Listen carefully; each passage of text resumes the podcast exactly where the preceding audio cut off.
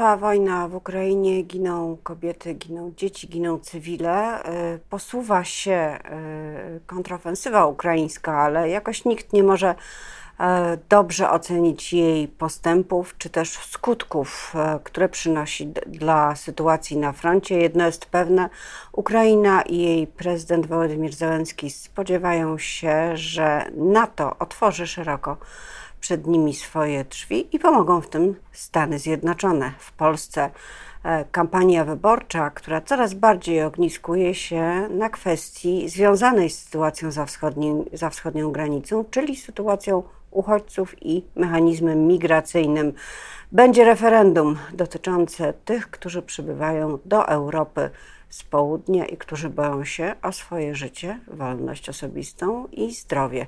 Między innymi o pomyśle referendum już za chwilę będę rozmawiała z moim gościem, Zuzanna Dąbrowska. Dzień dobry. A moim gościem jest senator niezależny Jan Maria Jackowski. Dzień dobry, panie senatorze. Dzień dobry, panie redaktor, dzień dobry państwu. Niezależny i niezrzeszony, to znaczy nie jestem. Niezależny i niezrzeszony.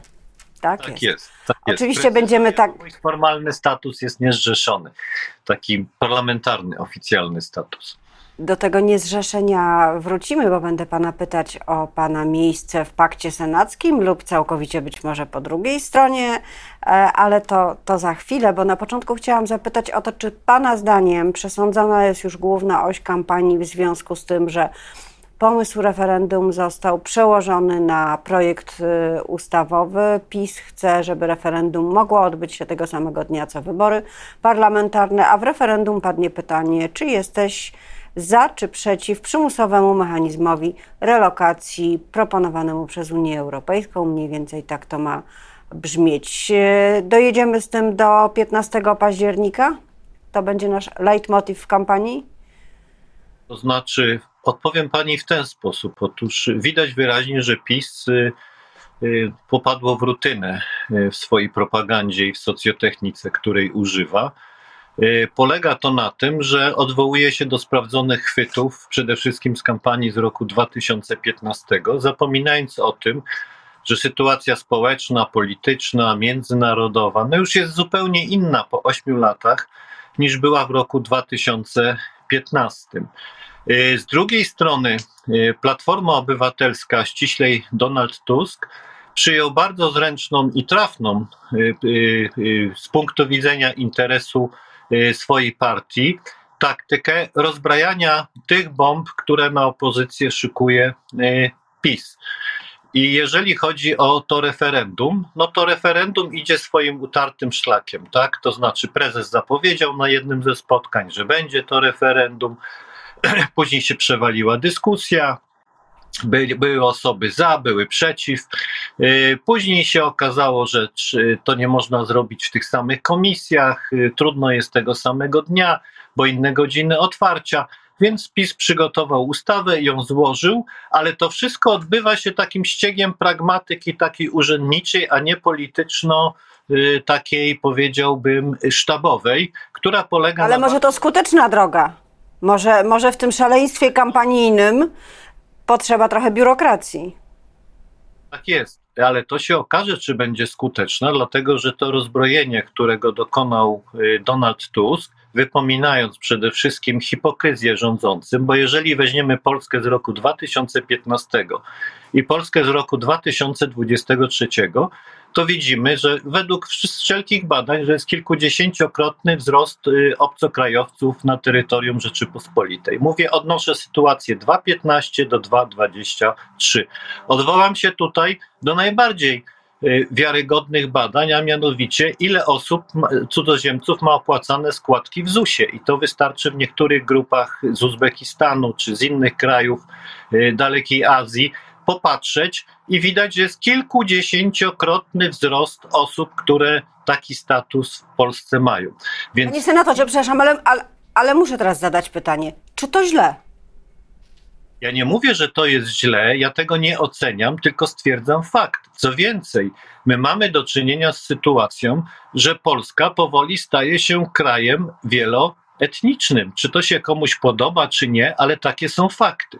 Natomiast robienie w tej chwili referendum na temat tego, czy tak ma być, czy nie, no trochę mija się z celem, ponieważ to już jest fakt dokonany. Natomiast to pytanie, o które pani mi zadała, czy że jakie będzie prawdopodobnie w tym referendum, czy jesteś za mechanizmem przymusowej relokacji?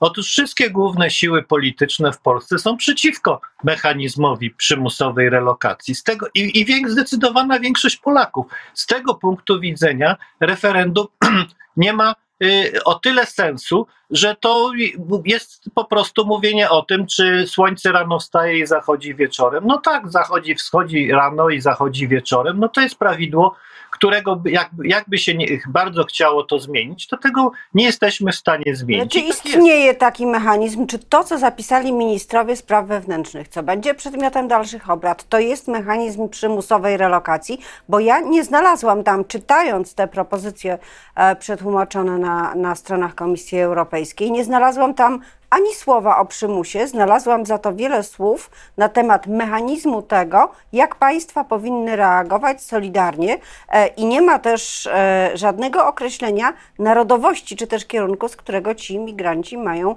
e, przybywać. Ja przypomnę, że są to migranci, którzy zwracają się o ochronę międzynarodową, czyli tacy, którym grozi niebezpieczeństwo we własnych krajach.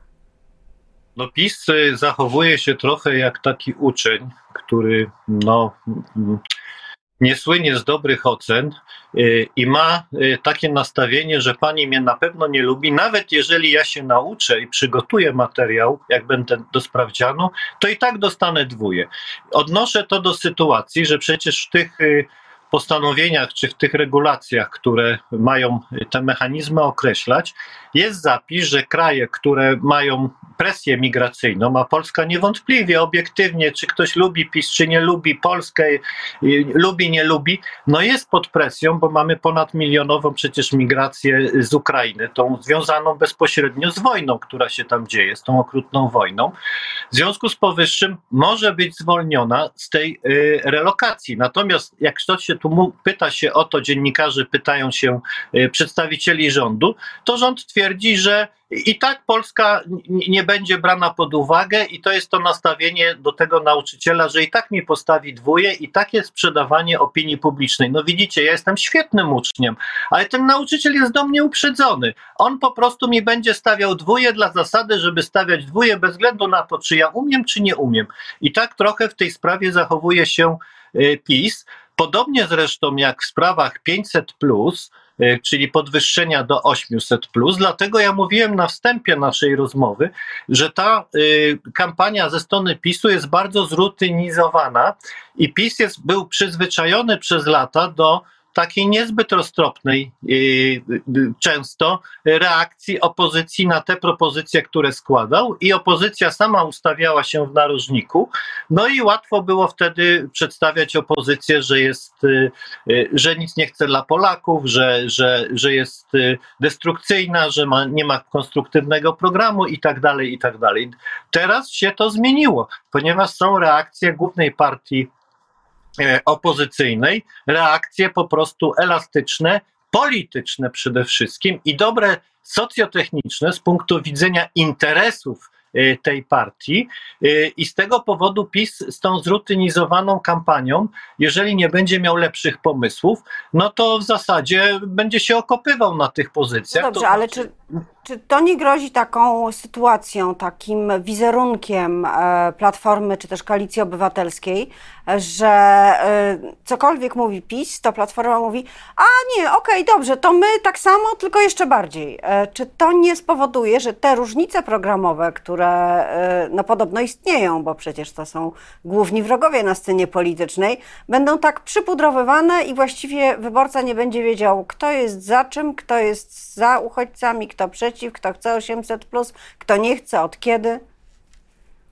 No oczywiście, że y, taki zarzut może się pojawiać, ale z drugiej strony Donald Tusk i Platforma musi pamiętać, że w tej chwili gdzie dwóch się bije, jest takie porzekadło, tam trzeci korzysta. W tym wypadku tym trzecim nie jest trzecia droga, a Konfederacja, która ewidentnie na tej polaryzacji PiS, y, y, Platforma Obywatelska, czy szerzej Koalicja Obywatelska zyskuje.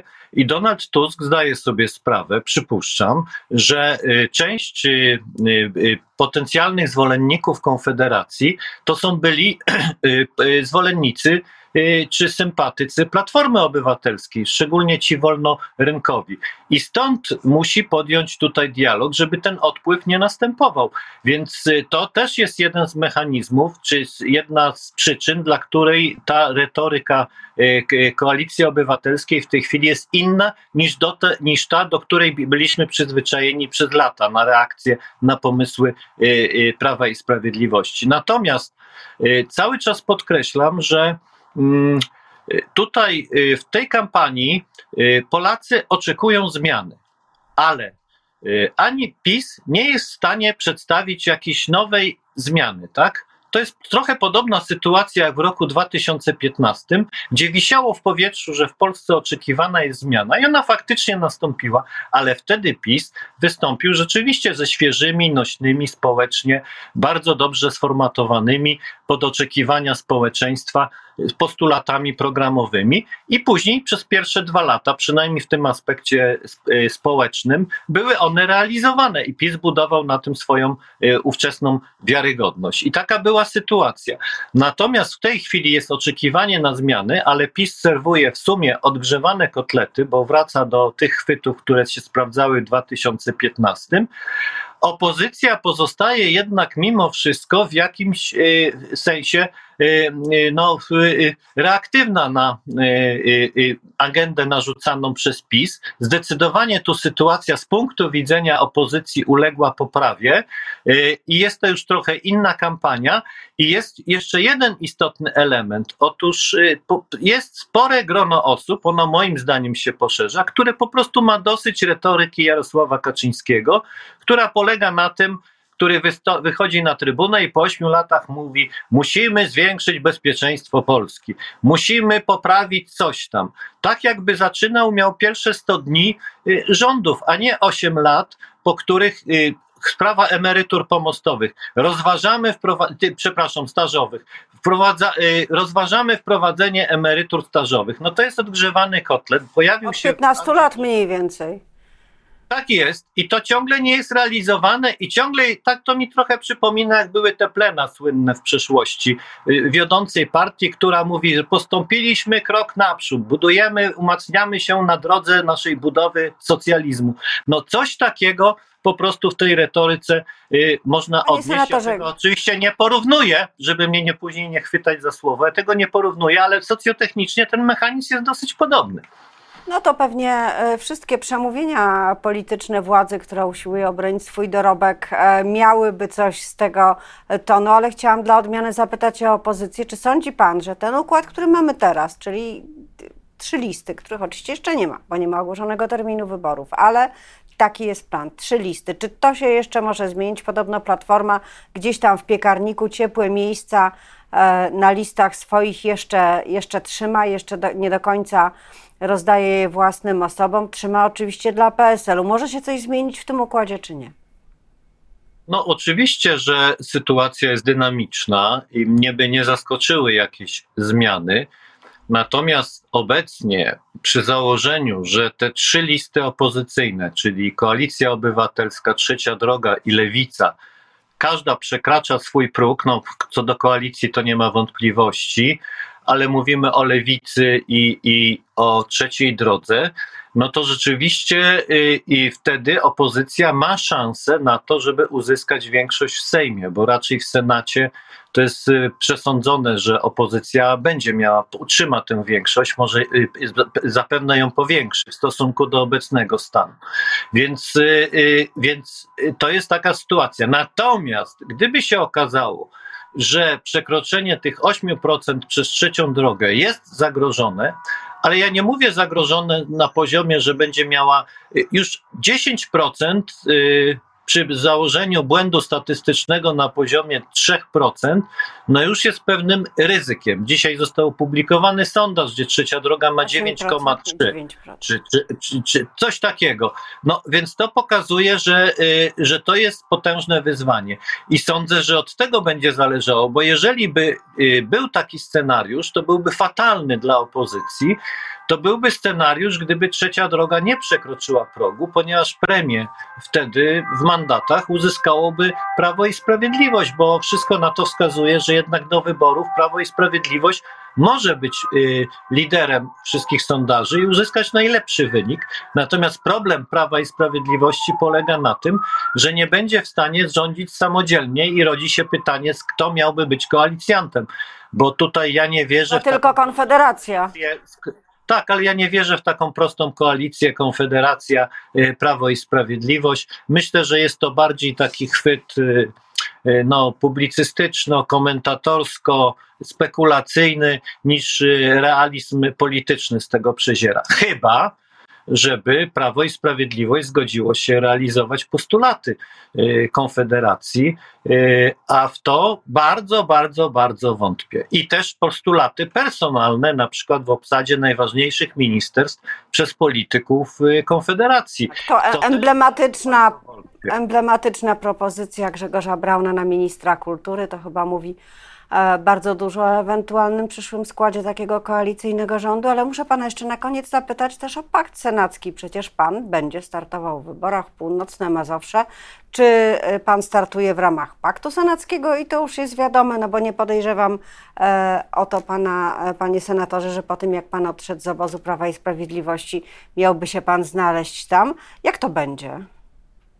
Pani redaktor, ja jestem y, parlamentarzystą y, przewidywalnym. Ponad rok temu ogłosiłem, że będę startował w wyborach z własnego komitetu i to y, realizuję, przygotowuję się do kampanii wyborczej. Mam zamiar startować, tak, w okręgu numer 39, a więc subregion Ciechanowski, do Senatu z własnego komitetu. Natomiast czy nie jestem członkiem żadnej z partii, które stanowią blok senacki, czyli ani Lewicy, ani Szymona Hołowni, ani Koalicji Obywatelskiej, ani PSL-u, więc ja nie mogę się tutaj, nie mam uprawnienia nawet, upoważnienia, żebym się wypowiadał za te y, stronnictwa, y, jakie one mają plany względem y, okręgu 39. Przypuszczam, że tutaj jest też to w tej chwili bardzo szczegółowo badane, być może również i sondażowo. Kto ma personalnie największe szanse na wygranie w tym okręgu? Powiem tylko, że w tym okręgu Prawo i Sprawiedliwość dominuje, jeżeli chodzi, bo to jest północne Mazowsze, to są tereny rolnicze. Y, to jest, y, można powiedzieć, jeden z mateczników Prawa i Sprawiedliwości, więc tutaj ta rywalizacja będzie niezwykle trudna i dlatego blok senacki powinien w tej sprawie zachować się mądrze, roztropnie, tak, y, aby, aby osiągnąć te cele, które deklaruje to znaczy uzyskać mądrze. największą liczbę senatorów. Panie senatorze, mądrze, czyli nie wystawiając kontrkandydata z opozycyjnego paktu senackiego przeciwko senatorowi Jackowskiemu? Panie redaktor, no, logika e, pani pytania jest tak oczywista, że nie będę już jej komentował, bo już jest to niepotrzebne. Okej, okay, dobrze. W takim razie mamy jasne polityczne wskazanie na koniec e, naszej rozmowy, za co bardzo e, dziękuję. E, senator Jan Maria Jackowski, senator niezrzeszony i niezależny był moim gościem, a Państwu życzę miłego dnia. Miłego dnia.